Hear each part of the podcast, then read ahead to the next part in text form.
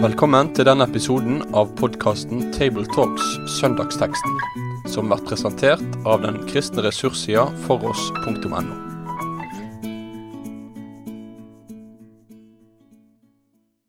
Vi er samlet eh, tre stykker i studio. Svein Granrud, Egil Sjåstad, Asbjørn Kvalbein. Og skal gjennomgå teksten i dag fra Johannes eh, 8, eh, fra vers 2. Og Svein, kanskje du leser den for oss? Jesus gikk ut til Oljeberget. Tidlig neste morgen kom han til tempelet igjen. Folkemengden samlet seg om han, og han satte seg ned og begynte å undervise dem. Da kom de skriftlærde og fariseerne med en kvinne som var grepet i ekteskapsbrudd. Og de stilte henne fram og sa, Mester, denne kvinnen er grepet på fersk gjerning i ekteskapsbrudd. I loven har Moses påbudt at slike kvinner skal steines. Hva sier så du? Dette sa de for å sette ham på prøve, så de kunne få noe å anklage ham for. Jesus bøyde seg ned og skrev på jorden med fingeren. Men da de fortsatte å spørre, rettet han seg opp og sa, Den av dere som er uten synd, kan kaste den første steinen på henne. Så bøyde han seg ned igjen og skrev på jorden. Da de hørte dette, gikk de bort, den ene etter den andre, de eldste først. Til slutt var Jesus alene med kvinnen som sto der. Da rettet han seg opp og spurte, Kvinne, hvor er de? Har ingen fordømt deg? Hun svarte, Nei, Herre, ingen. Da sa Jesus, Heller ikke jeg fordømmer deg. Gå bort og synd ikke mer fra nå av. Ja, det er jo en sterk beretning, dette her, med mye dramatikk. Jeg må stille et spørsmål. Var det virkelig vanlig på Jesu tid at slike grove syndere ble steinet? Det er ikke mange direkte vitnesbyrd om at de gjennomførte det. Men Nei. i Moseloven står det jo at eh, de skulle steines hvis de ble tatt i hor. Og da skulle begge steines. Nettopp. Både mann og kvinne. Så her er det jo uansett da eh, noe skjevt i deres måte å komme med problemstillingen på. Akkurat. Det er eh, mest for å fange Jesus, dette her, får man inntrykk av. Men det var vel som Egil sier, eh, ikke alt som ble håndhevet i radikal grad når vi har kommet så langt ut i historien som her. De måtte jo ha tenkt de har måttet ha tenkt noe om Jesus Jesu forhold til Det gamle testamentet, som- som de skulle ta Jesus på. Så hvis Jesus sa nei til forslaget om steining, så ville han stille seg i direkte motsetning til Moses, så kunne de ta han på det. Men det Jesus her gjør, det er å unngå å ta den direkte stillingen til det med juridisk-politiske, eller hva vi skal kalle det, men eh, kaste søkelyset innover alle som sto der. Sånn at de eldste stikker av først. Hvis han hadde sagt ja til steining, da? Hva hadde skjedd da? Ja, Nokså interessant problemstilling. Iallfall ubarmhjertig. er er Iallfall ubarmhjertig. Ja. Og pådratt seg manges vrede og mistet mye av den, eh, den eh, positiviteten som han ble møtt med av alle, så, eller mange. Så de, de, de ville nok ha utnyttet begge alternativene Ja. hvis de hadde fått dem. Ja. Ja, altså Poenget er vel her å si at vi er alle syndere, og at syndere er ikke bare ytre ting, men det er hva som bor i våre hjerter. Og det er jo der han fanger eh, både fariseerne her og skriftlærde og oss. Altså, er du så mye bedre selv, du som dømmer? Hva med dine tanker og følelser? Kunne ikke du gjort det samme om forholdene lå til rette for det? Egentlig så skjerper jo Jesus Moseloven, Ja. Eh, men bare han, han eh, går dypere inn på hjertelivet til folk, og da blir plutselig alle ramma av det som ligger bak en sånn synd. da. En sånn handling. Så Jesus talte jo til to eh, grupper her, til kvinnen, og han sa du skal få en ny sjanse. Det er jo det han sier, gå, gå bort og synd ikke mer. Men så rammet han også fariseerne og sa det er på tide at dere vender om. Dere er syndige i deres hjerte. Dere trenger min tilgivelse, slik som jeg gir henne tilgivelse nå. Det er jo flere tilhører her, hvis vi skal tenke at dette skjer i sammenheng.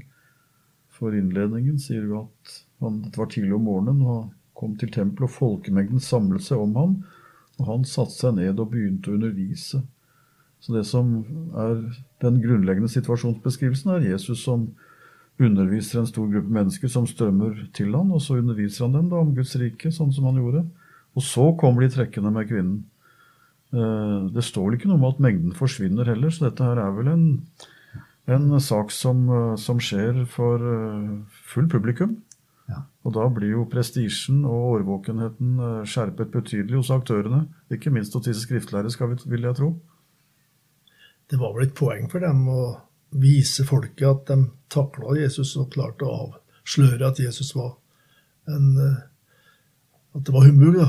Ja, det, det, er ikke første, det er ikke første gangen. Det er ikke første gangen. Men så har jo også Jesu måte å, å, møte det på. Han sier veldig lite. da. Det er én setning han sier til, til de skriftlærde fariseerne. Bare én en eneste setning. Det handler om om de har stein i sine hender. altså, Og uh, den som er uten synd, kan kaste den første steinen. Det, det, er det eneste jeg sier til dem.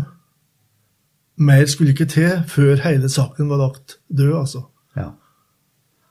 Ja, og da peker han jo nettopp på det at dere har jo syndige tanker og følelser og er ikke uten synd. Det er, det er ikke så framme som dere later som dere er, altså. Og, og denne, dette svikefulle ved dem er jo at de også prøver å sette Jesus fast. Eh, så vi har en lang rekke av stridssamtaler her hvor denne går inn i dette at eh, Jesus må prøve å vekke fariseerne opp fra deres forstokkede holdning. Det står jo om det med naden i Matteus at de trodde om seg selv at de var rettferdige for Gud. Så de, de hadde jo en grunnleggende ønske om å være forbilder for sitt folk. Det vet vi jo mye om, og det kan sies mye flott om både fariseernes og de skriftlærdes ønske om å være både surdeig i folket og forbilder og lærere, sånn at folket ble bevart i troskap mot Skriftene og løftene og alt som var. Men de havnet jo i den farlige grøften som mange gjør, nemlig at det, det blir en ytre oppfyllelse av moralske bud som blir tegnet på at det står rett til. Eh, det Jesus gjør her, er å stille radikale spørsmål den som er uten synd. Og da blir plutselig dette med de moralske bud og de ytre forskrifter det, det, hjelper ikke noe lenger. For da får du et mye mer radikalt spørsmål. Og det er vel det Jesus har til oppgave når han taler loven til oss. Ikke bare å holde forskriftene fram, men la oss prøve vårt hjerte. Den som ser på en kvinne for å begjære henne, har drevet hor med henne i sitt hjerte, sier Jesus. Da blir vi satt på plass, de fleste av oss. Og da skjønner vi at synd er noe mer enn ytre forskrifter. Og det fikk disse en radikal opplevelse av den dagen her. Så prøver å sette seg inn i denne kvinnens situasjon, da, om hun skal være så dristig. Hvorfor gikk hun til det skrittet å falle i denne synden her, da? Eller å, å, å la seg friste til sex utenfor riktig ramme? Eh, kanskje hun var et offer for en brutal ektefelle? Kanskje hun var en indre trang til intimitet og aksept som hun aldri har opplevd hos sin far eller hos sin ektefelle. Det gjør ikke det hun gjorde, til noe riktig, men det kan sette deres, de andres, indre liv i et perspektiv i forhold til det hun, hun uh, hadde gjort. da. Og Jesus skjønner og veit også hele denne situasjonen der. Så den samaritanske kvinna er jo et tilsvarende eksempel av å ha hatt fem menn, og den hun hadde, hun var ikke hennes. Det går an å se det fra synsvinkelen at hun var forkasta av fem menn. Ikke bare at hun oppsøkte og levde og brutt ekteskapet. Så Jesus vil ikke si at hun ikke, at hun ikke var en synder. Gå bort og synd ikke mer, sier Jesus. Veldig tydelig at det hun gjort, var galt. Det var i strid med Guds bud.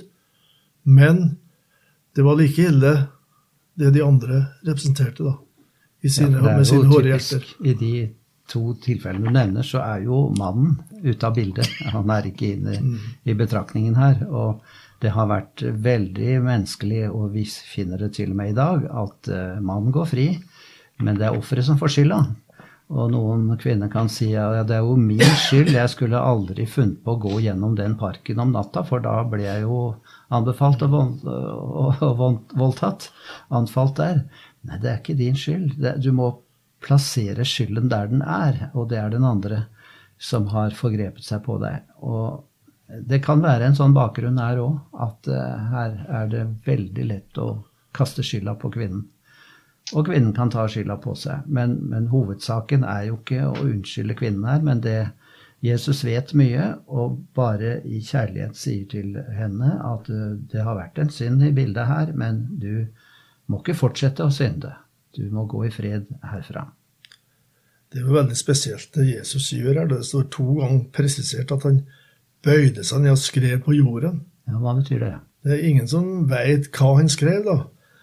Men jeg, jeg las nettopp en kommentar her om uh, hvordan en tekst i Jeremia 17 har vært godt brukt og veldig kjent i Israel den tida der. Og den handla nettopp om å skrive i støvet. Jeg tror jeg leste verset. Ja. 1713. Herre, du Israels håp, alle de som forlater deg, skal bli til skamme. De som viker fra deg, skal skrives i støvet, for de har forlatt kilden med det levende vann, Herren. Vedkommende som hadde denne kommentaren, da, skrev at dette var et så kjent vers at en del av de skriftlærde fikk assosiasjoner nettopp til det verset. Og det er et domsvers over dem som i sitt hjerte viker bort ifra Herren. Så det, det kunne være en tankevekker for dem, da, dette at Jesus skrev på, eh, på sand der, sandgrunn. Jeg har også lest den varianten der, og det, det, er fullt mulig å tenke seg det. Mm.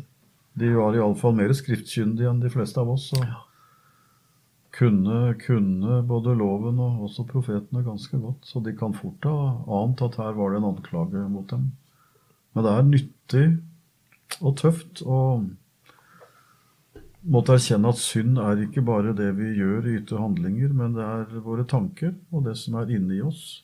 Og Jesus er ofte mest opptatt av det, fordi det går an å ha en ytre fasade og uorden inni. Jesus er opptatt av hjertet. Det var en fariseer, forteller han, som sto i tempelet og takket Gud for at han var bedre enn de fleste, og at alt var greit. Mens den som gikk ferdig hjem, var en som var bekymret for sitt hjerte tolleren. Mm. Så det er i slekt med disse viktige avsnittene om hvor det dypeste problemet ligger. Å være kristen er ikke å skifte fasade, det er å få Jesus i hjertet, for å tale søndagsskolespråket, og det, det, er et godt språk. Ja, det er det. Ja. Jeg ser at det siste verset, vers 11 her, så det henviste Romerne 8,1. Og det er fordi at ordet 'fordømme' brukes her. da, Heller ikke 'jeg fordømmer deg'. Og i Romerne 8,1 så sier apostelen så er det da ingen fordømmelse for den som er i Kristus Jesus. Så det er en sånn virkelighet vi, i likhet med den kvinna, kan komme inn i. Og det tror jeg en predikant denne dagen må løfte litt fram. Altså at du kan komme inn i en virkelighet der du ikke blir fordømt, ikke engang av Han som har gitt den hellige loven i Skriften. Heller ikke jeg fordømmer deg. Han er det som nå sier også til deg, ingen fordømmelse for deg hvis du lever i det som Han har gjort og betyr og vil være for deg. Ingen fordømmelse for den som er i Kristus. Hvem er den som fordømmer, står det lenger fram i Romerne 8. Kristus er den som er død. Så Kristus, som her taler med denne kvinna, han var på vei til å dø for nettopp å løse oss alle fra denne fordømmelsen. Og i Han så er vi frikjent ved trua på Han. Det er noen som snakker sånn at uh, dette med synd og fordømmelse og alle sånne ting, det er blitt gammeldags. Og folk i dag har ikke sans for det. Det er en annen verden eh, som de er fremmede overfor. Når vi er i en sånn avkristningstid, man er jo blitt så nøytral og skal fjerne spor av kristendom. og så og det merkelige er jo da at eh, en TV-serie som heter Skam, har funnet altså sånn en respons. Eh, blant tenåringer. Og vi er opptatt av krenkelser, avvisning og grensedragninger innenfor og utenfor. Og, og dette med metoo-bevegelsen. Altså, jeg har også opplevd krenkelser. Det er kolossalt fokusert på. Slik at det er jo en veldig aktuell problemstilling eh, Jesus er inne på her, med å dømme og fordømme og sette folk utafor og innafor.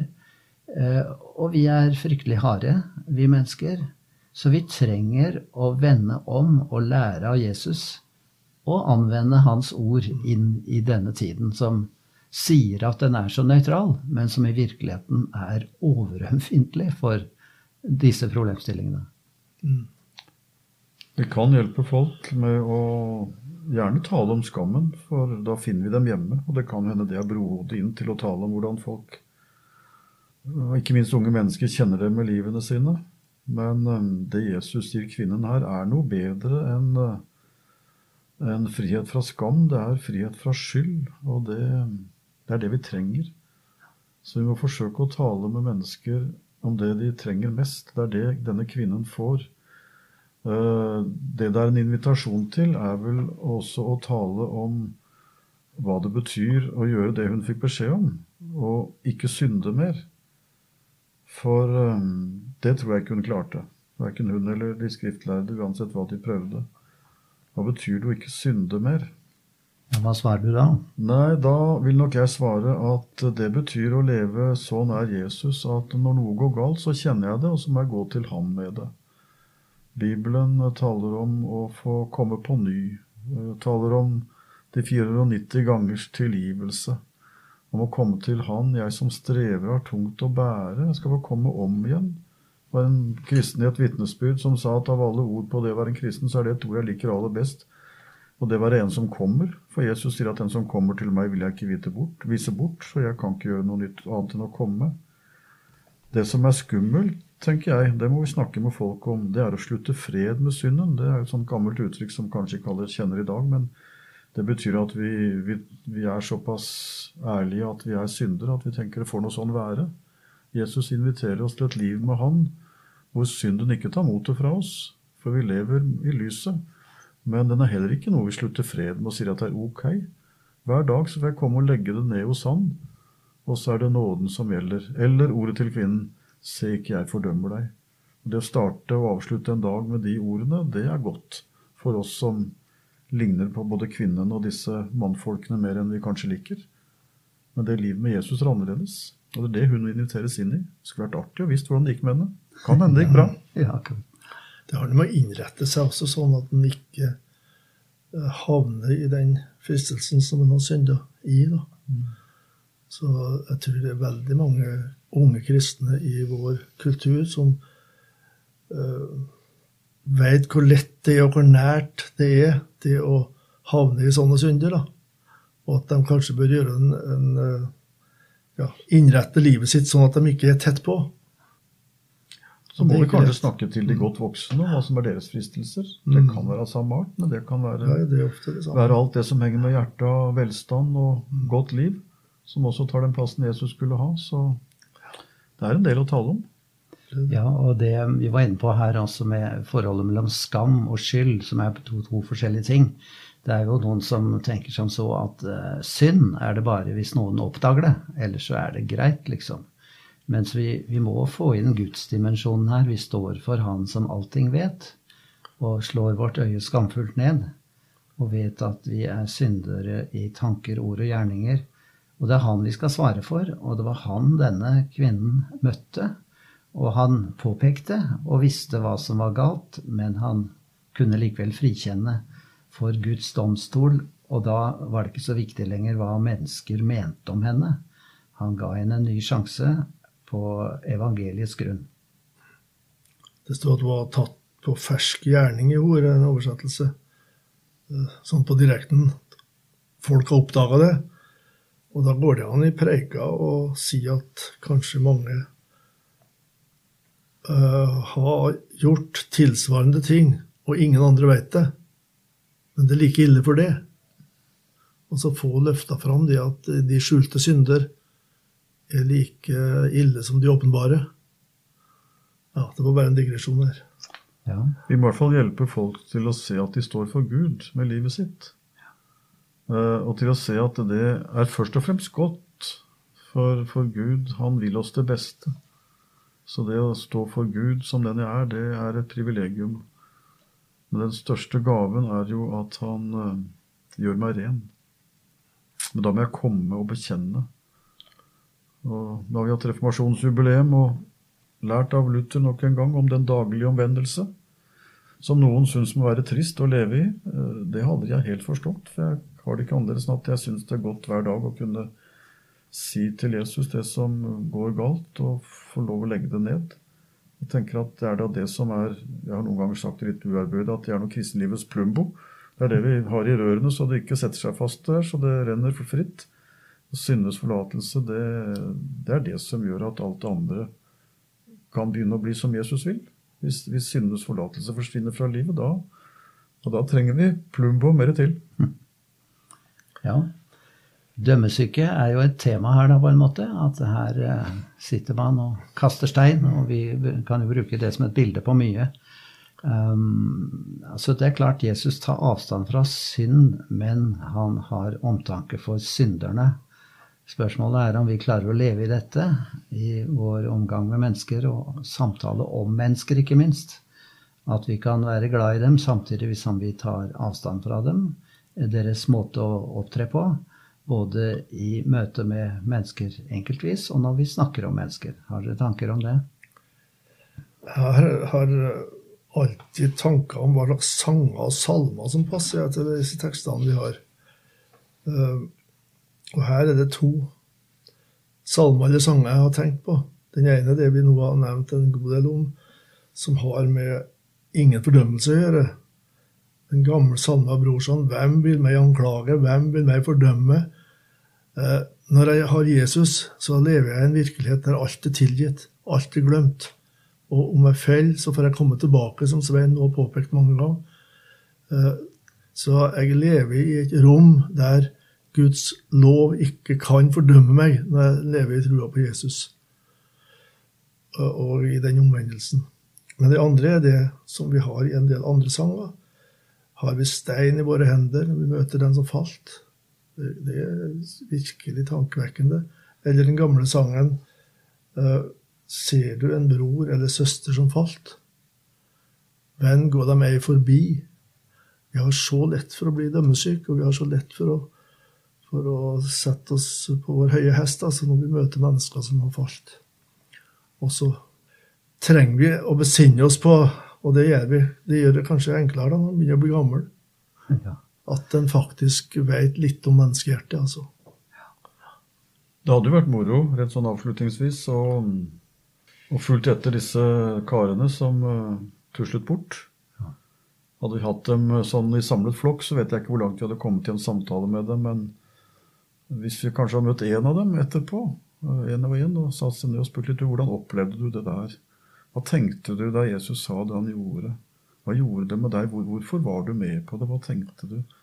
Det hadde vært en interessant samtale. Jeg vil ikke utelukke at noen av dem ville kanskje åpna for å si at dette gjorde noe med meg, for jeg lærte noe om hvem jeg er, ved å møte han som møtte henne på den måten. Jeg ville kanskje tro at for noen av dem ble dette en øyeåpner for at livets viktigste spørsmål ligger et annet sted enn kun i den ytre lovoppfyllelsen. Selv om vi ikke skal ta ned den, for den er viktig, men at det har noe med hjertet å gjøre. Når jeg sier det, så er det jo litt i slekt med det Egil nettopp sa, at vi som er både etablert og har ting sånn fasademessig noenlunde orden, vi, vi, trenger kanskje å sette oss ned med disse karene og tenke hvordan ville jeg vært der akkurat da? Hvordan opplever folk meg i møte med dem som det synlige går i stykker for. Hvordan møter jeg dem? For eh, vi lærer jo noe først om hvordan Jesus møter kvinnen. Men vi skal også lære noe av disse karene som satt der. Og vi lærer gjennom identifisering. Og så får vi de rette spørsmålene å stille til oss sjøl. Ja, Det må vel være et ønske for oss om vi skal preke over denne teksten, at vi både får folk til å erkjenne klarere hvem de er, hva slags stoff de er laget av, hva som bor i dem, og samtidig se Jesus som den store, tilgivende frelser som kan ta imot eh, de største syndere. Ja, det er vel det viktigste en predikant kan være et redskap for Gud til. Da. Og i alle vekkelser så har, har dette vært hovedsak. det blir så personlig, og at jeg tenker på meg sjøl og ikke bare på de andre. Og med det slutter vi av denne samtalen. Takk for nå. Med det sier vi takk for følget for denne gang. Finn flere ressurser, og vær gjerne med å støtte oss på foross.no.